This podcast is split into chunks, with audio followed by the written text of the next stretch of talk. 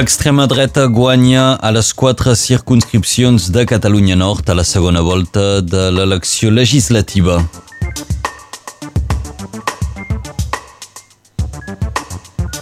Aquesta setmana han de baixar les temperatures, però el risc d'incendi és encara molt elevat.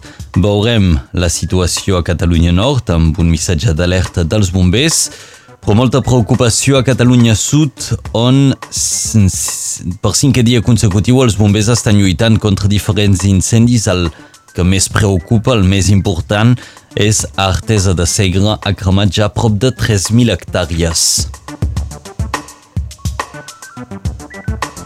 Molta actualitat esportiva també. En rugby a 15, la Salanca i Mias jugaran la final de les seues competicions i a Girona festa dels seguidors de futbol i dels de bàsquet. Els dos equips tornen a primera divisió.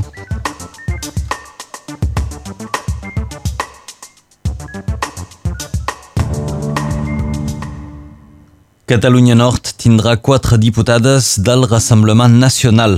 Encara més que la resta de l'Estat, una majoria d'electors no ha anat a votar per fer el bagatge republicà que des de feia 30 anys bloquejava de forma important l'accés de l'extrema dreta al poder. Explicacions amb l'Albert Noguer. L'abstenció important és també en gran part responsable d'aquest resultat, eh, ja que ha estat de 53,45%. Destacar també el nombre rellevant de vots blancs que tradueixen que un cert nombre d'electors han volgut deixar clar que no volien triar entre els dos candidats restants i encara més que ja estan cansats de votar contra un candidat. Catalunya Nord enviarà, doncs, quatre diputats d'extrema dreta a l'Assemblea quatre diputades, ja que l'ERN havia presentat quatre dones en aquestes eleccions. A la primera circunscripció, la de Perpinyà, el diputat sortint Romain Grau ha estat eliminat per Sophie Blanc amb 53,87%.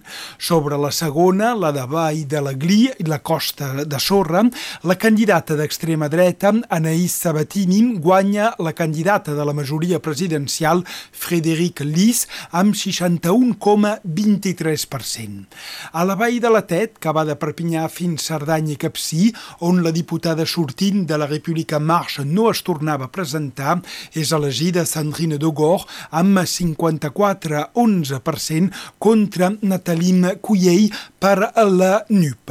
I a la circunscripció del Vallespí, el diputat sortint d'ensemble de la majoria presidencial és batut per Michel Martinez amb 50 56,28%. Al nivell de la regió Occitaní, l'extrema dreta surt també molt enfortida per aquesta elecció, ja que passa de 3 a 14 diputats. És sobretot a les circunscripcions de la costa on el Rassemblement Nacional ha obtingut els més bons resultats i doncs en els departaments de l'antiga regió Llenguadoc i Rosselló. I a nivell estatal, l'abstenció important també ha afavorit l'elecció de molts diputats de l'ERN però tampoc és suficient per explicar els 89 escons que s'emporta l'extrema dreta. Com a Catalunya Nord, l'important nombre de vots al nivell estatal sembla confirmar la fi del barratge republicà. Una situació que també es pot explicar pel cansament d'un cert nombre d'electors d'aquest joc polític utilitzat per la majoria d'Emmanuel Macron, però abans d'ahir pels altres partits de poder, tant de dreta com d'esquerra, que utilitzaven el sistema electoral per les legislatives i la por de l'extrema dreta per conservar el poder. Sembla que s'ha acabat i en els pròxims anys l'Assemblea de Diputats comptarà a partir d'ara amb 89 diputats del Rassemblement Nacional, un rècord, 246 per Ensemble, la coalició de govern d'Emmanuel Macron, 142 per la NUP, 64 per les Républicains UDI, 13 per candidats divers esquerra i 9 per candidats divers dreta. El president Emmanuel Macron ha perdut la majoria absoluta i l'esquerra esdevé la principal força d'oposició. No se sap ara com podrà governar Macron amb una majoria relativa. Haurà de trobar compromisos i els analistes pensen que ja no es podrà presentar com ni de dretes ni d'esquerres o de dretes i d'esquerres i que decantarà clarament cap a la dreta el que molts eh, deien que ja feia En tot cas, el cop és molt dur per la majoria del president, des d'on no es descarta fins i tot una eventual dissolució de l'Assemblea d'aquí a un any. Moltes gràcies, Albert Noguer. Així ha anat la segona volta de l'elecció legislativa. Recordem que Catalunya Nord tindrà quatre diputades del Rassemblement Nacional. La CGT 66 entregarà avui a la prefectura unes peticions a favor de l'augment dels salaris. La campanya va ser iniciada a finals d'any passat amb una recollida de firmes en empreses, administracions i col·lectivitats.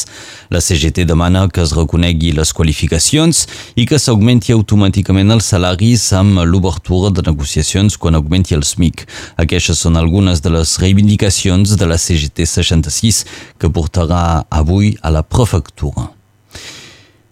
L'índici de qualitat de l'aire avui és dolent a Catalunya Nord. Estem a un índici de 4 sobre 6, tenint en compte que 6 és un aire extremadament dolent. El sol i les temperatures altes expliquen aquesta situació, ja que afavoreixen la formació d'ozó a l'atmosfera. Es recomana de reduir les activitats intenses a l'exterior en cas que noteu els símptomes següents, dolor als ulls, tos o mal de canyó. Les temperatures van baixant, però el risc d'incendi segueix sent molt elevat. La Direcció Departamental dels Territoris i del Mar alerta que en els pròxims dies podria augmentar el nombre d'incendis per l'estat de sequera que estem vivint. Qualsevol foc descontrolat o la mínima vispia al medi natural podria provocar focs incontrolables. Els bombers demanen que si es detecta algun foc sospitós s'alerti als serveis d'emergència telefonant al 18 o al 112. I al Principat de Catalunya els bombers treballen per cinquè dia consecutiu en diferents incendis simultanis. Avui hi ha dos incendis actius, el d'Artesa de Segre, que ha cremat ja prop de 3.000 hectàrees, i un de molt més petit, a Perramola, a l'Alt Urgell, que ha cremat 77 hectàrees. Els bombers esperen poder donar aquests dos incendis per controlats avui mateix. La sequera i l'onada de calor d'aquests dies a Catalunya Sud han portat una situació d'incendis que no es vivia des dels anys 90. Cada dia a Catalunya es declaren més de 50 focs de mitjana i molts han cremat de manera simultània. La presidenta del Parlament de Catalunya, Laura Borràs, ha estat víctima d'un robatori al seu domicili. Borràs va denunciar ahir que els lladres només es van emportar documents personals seus, un fet que la presidenta del Parlament ha qualificat d'atac a la seva privacitat. La policia científica està investigant aquest robatori. I la guerra d'Ucraïna pot durar anys, així ho ha assegurat el secretari general de l'OTAN, Jens Stoltenberg, que ha afegit que Europa s'hauria de preparar per a aquesta eventualitat.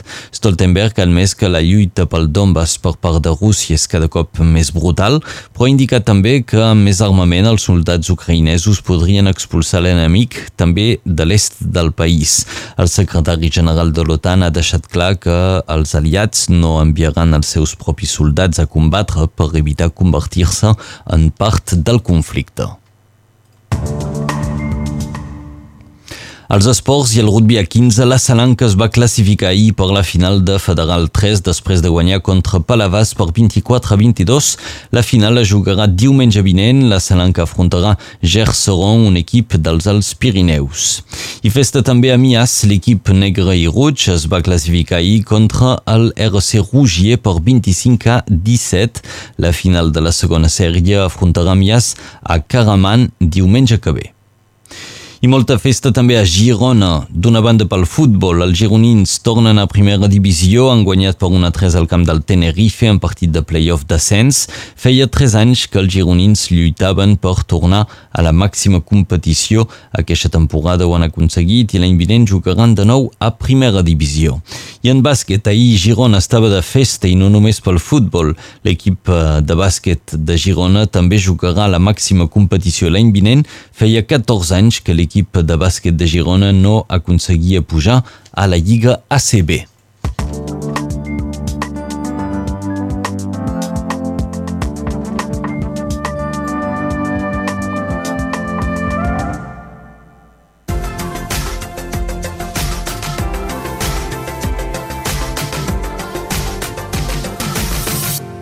De mica en mica s'apropa una perturbació des de la península ibèrica que porta una bossa d'aire més fresc i que desplaça l'aire calent cap al centre del Mediterrani.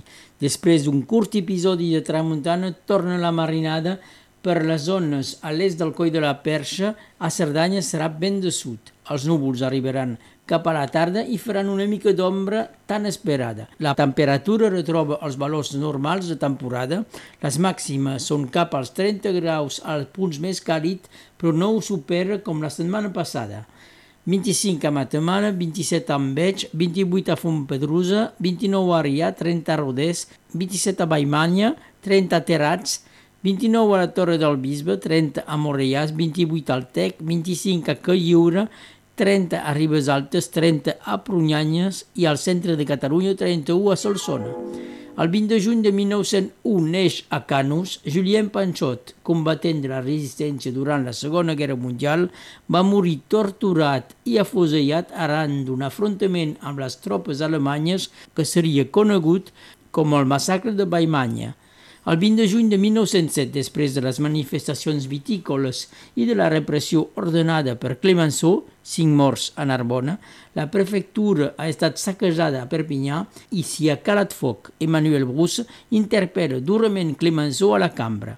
El 20 de juny de 1983 és la primera emissió de Catalunya Ràdio. Avui és Sant Silveri i Santa Florentina.